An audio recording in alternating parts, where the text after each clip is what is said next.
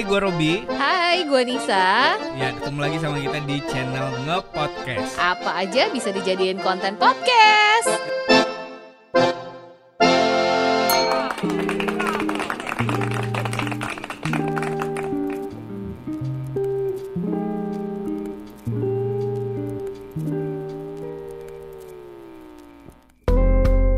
Lagi di Nge-Podcast masih bareng Robi. Dan ada juga Nisa di sini di nge-podcast. Hari ini tema kita eh, akan ngebahas tentang gimana sih menumbuhkan percaya diri kembali setelah kita diterpa PHK. Ya, salah satu efek dari Seperti- pandemik ya. Hmm, Dan pastinya kita pasti pengen tahu banget apa sih yang harus dilakukan terutama secara psikologis ya. Kayak Iya. mikirin, aduh tagihan Hmm. berikutnya yang harus dibayar. Lu ingat gak sih ada yang sempat Hmm. heboh di Twitter atau di mana ya yang katanya gajinya 20 juta hmm, dia tidak di PHK tapi Oh. mengalami pengurangan gaji kan 50%. gaji. Hmm. Jadinya gajinya 10 juta, tapi cicilan rumahnya 5 juta, cicilan mobilnya 4 juta 500 ribu. Sisa 500 ribu untuk per bulan kan nggak mungkin. Belum dia punya anak katanya yang masih menyusui Eh. atau dia harus beli beli susu lah gitu. Itu pasti stres kan gitu. Hmm. Makanya kita tuh pengen tahu Iya. banget apa yang harus dilakukan untuk orang-orang yang mengalami dampak dari si pandemik ini, terutama khususnya yang mengalami pengurangan gaji dan PHK. Iya, betul sekali. Kita akan ajakin salah seorang uh, psikolog, teman kita. Actually, I need it ya. Semua orang pasti butuh lah ya di kondisi kayak Betul. gini. Pencerahan. That's why kita sudah ada Mas Yuda Heka. Ya, kita uh, ngobrol-ngobrol barengan sama Mas Yuda. Hai Mas Yuda. Hai Nisa, hai Robi. Hai Mas Yuda. Gimana kabarnya? Alhamdulillah sehat-sehat. Alhamdulillah. Hmm, Bali aman ya sejauh ini ya. Sejauh ini aman. Alhamdulillah. Iya. Mas Yuda, Bali kan eh, salah satu sektor yang banyak banget kan pariwisata. Mm-mm. Dan pariwisata itu adalah salah satu sektor juga yang mengalami dampak besar karena pandemi ini ya. Mm-mm. Nah ini pasti eh, menyebabkan psikologis dari para pekerja tersebut menjadi down. Nah gimana sih eh, Mas Yuda dari segi psikologis tuh cara apa ya supaya untuk bisa berpikir jernih untuk melanjutkan hidup atau menumbuhkan motivasi serta kepercayaan diri setelah mengalami yang namanya PHK.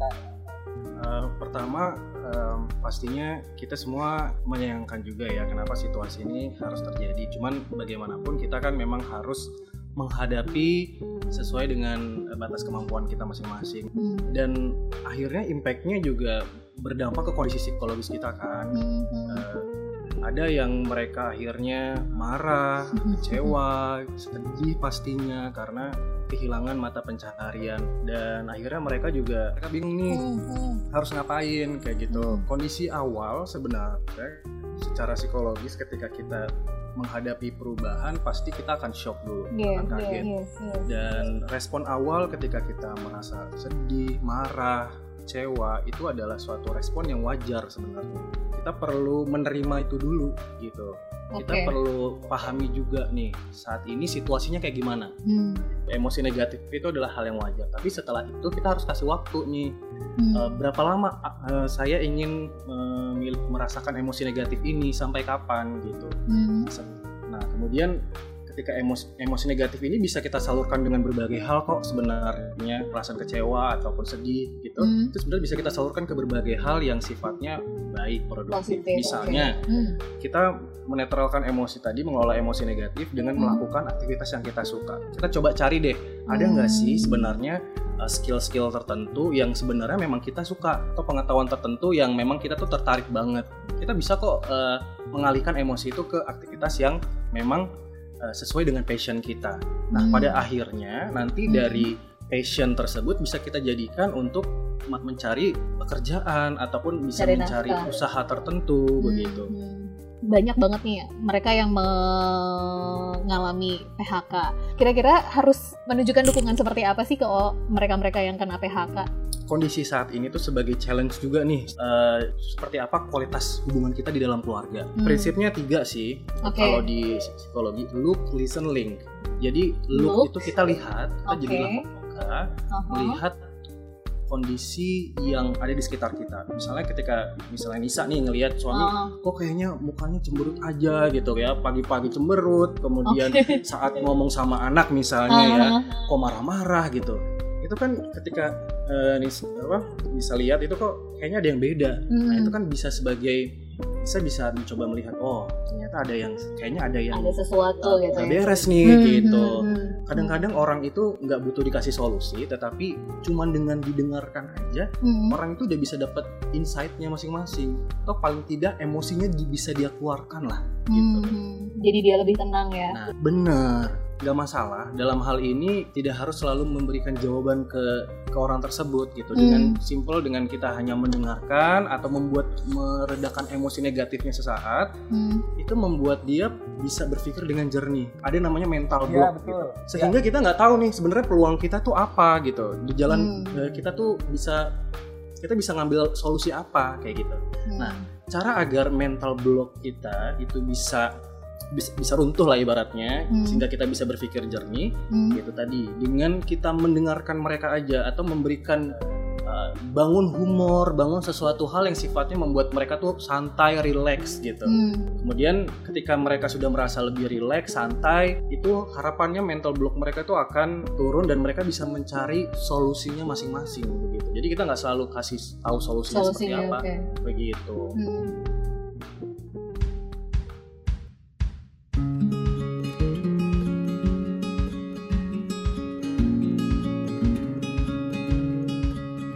Sekarang lagi banyak banget yang kena PHK. Sebetulnya gini Mas Yuda, sepenting apa sih kita mempersiapkan mental untuk kemungkinan kehilangan pekerjaan? Apakah emang oke kita harus siapin mental kehilangan pekerjaan pada saat bahkan kita mulai bekerja di hari pertama? Oke, em, kalau orang ini kalau kita ngom- ngomong dari kacamata spiritual gitu ya. Hmm. Kalau kaca orang kacamata spiritual mereka selalu meyakini bahwa tidak ada yang abadi lah ibaratnya. Hmm. Ketika kita bertemu sama seseorang eh, sudah Yes. satu paket nih, kita Hmm. juga pasti akan berpisah gitu. kehilangan oke Masuk juga dalam pekerjaan. Hmm. Ketika kita memasuki pekerjaan, Hmm. ya pasti kita akan berpisah juga dengan pekerjaan itu. Mhm. Either karena memang kita sudah pensiun atau karena eh, memang karena tadi mungkin kondisinya nggak memungkinkan sehingga kita di lay off begitu. Ketika kita masuk dalam suatu pekerjaan, kita cintai pekerjaan itu, bukan Mhm. mencintai perusahaannya sebenarnya. Karena Mhm. kita nggak pernah tahu kapan perusahaan itu akan bagaimana Memutus. respon perusahaan ke kita gitu, Oke. ya kan?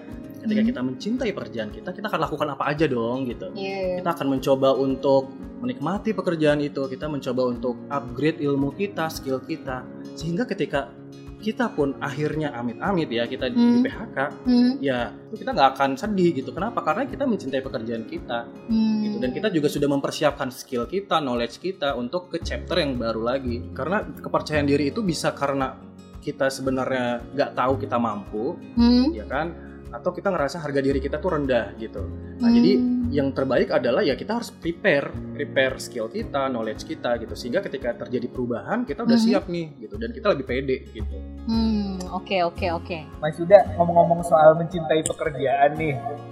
Kalau misalnya kan sekarang itu banyak banget orang-orang yang eh, dikarenakan PHK eh, sebelumnya kerjanya misalnya anggaplah di bidang IT terus karena PHK akhirnya dia membuat usaha yang lain gitu untuk tetap Mm-mm. eh, survive kan.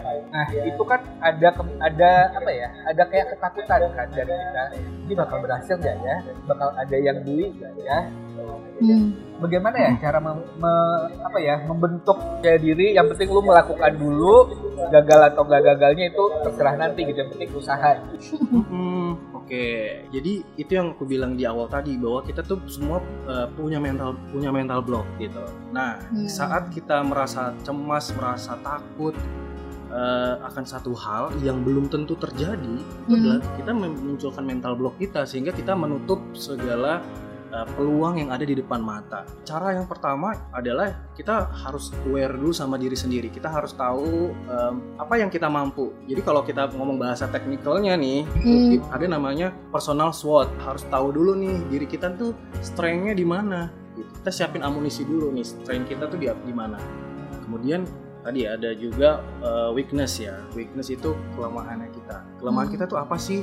Hmm. Ini bisa kita dapatkan dari hasil evaluasi diri sendiri Hmm. atau bisa juga dari teman-teman kita atau bos kita dulu ketika bekerja. Itu Hmm. penting banget. Kita coba tuliskan apa yang menjadi kelemahan kita. Misalnya kelemahannya aku suka prokrastinasi gitu atau suka mendelay pekerjaan itu juga bisa juga Hmm. atau misalnya eh, saya saya tipikal yang bukan em, the on time itu juga bisa ditulis. Jadi apa pun yang jadi weakness itu bisa jadi kita tulis sebagai bahan evaluasi. Kemudian kita cari opportunity, peluang yang kit- yang ada di depan mata itu apa? Kita coba tuliskan dalam situasi yang tenang pastinya.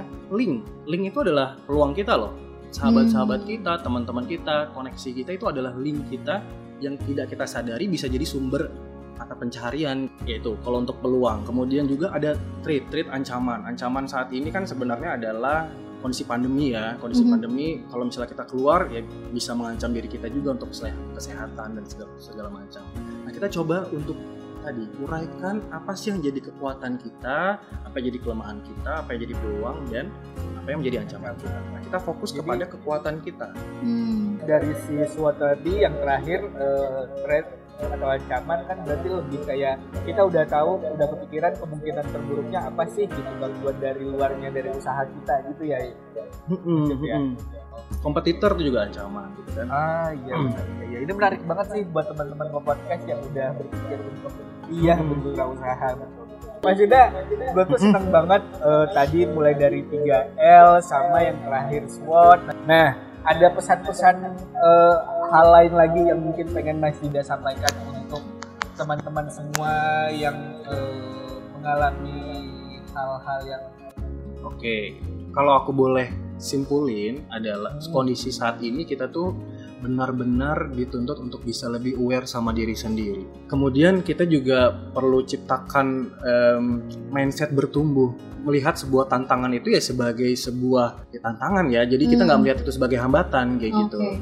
Kita coba untuk melakukan trial error gitu. Kalau gagal kita coba lagi kayak gitu. Kemudian selain mental apa, selain mindset bertumbuh, kita juga dituntut untuk bisa menciptakan kebiasaan yang baru pastinya. Nah, kebiasaan yang baru yang seperti apa yang mau kita ciptakan nih gitu. Mhm. Kalau bisa kebiasaan baru yang masih yang sifatnya produktif.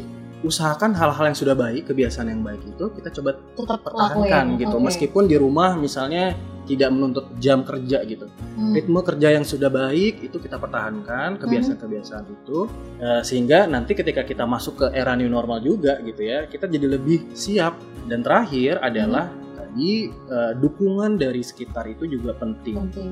maka sebisa mungkin kita juga bisa mendukung orang lain dan kita juga dapat support juga dari orang lain karena Hmm. memang penelitian apa namanya me- mengatakan gitu ya Mhm. tingkat harapan hidup kita naik 50% ketika kita bisa bangun social connection yang baik dengan orang lain emotional Hmm. connection Hmm. kita selalu merasa bahwa diri kita itu ada yang melindungi kita Oke. selalu merasa diri kita tuh ada yang sayang ya. betul Oke, terima kasih banyak Mas Yuda share-nya. Mas Yuda thank you banget buat waktunya. Thank you. Kawan-kawan kalau Iya, kita thank you. bertemu. siap Sehat-sehat Mas Yuda. sehat-sehat kalian semuanya Amin. Selamat sore. Terima kasih. thank you Bye.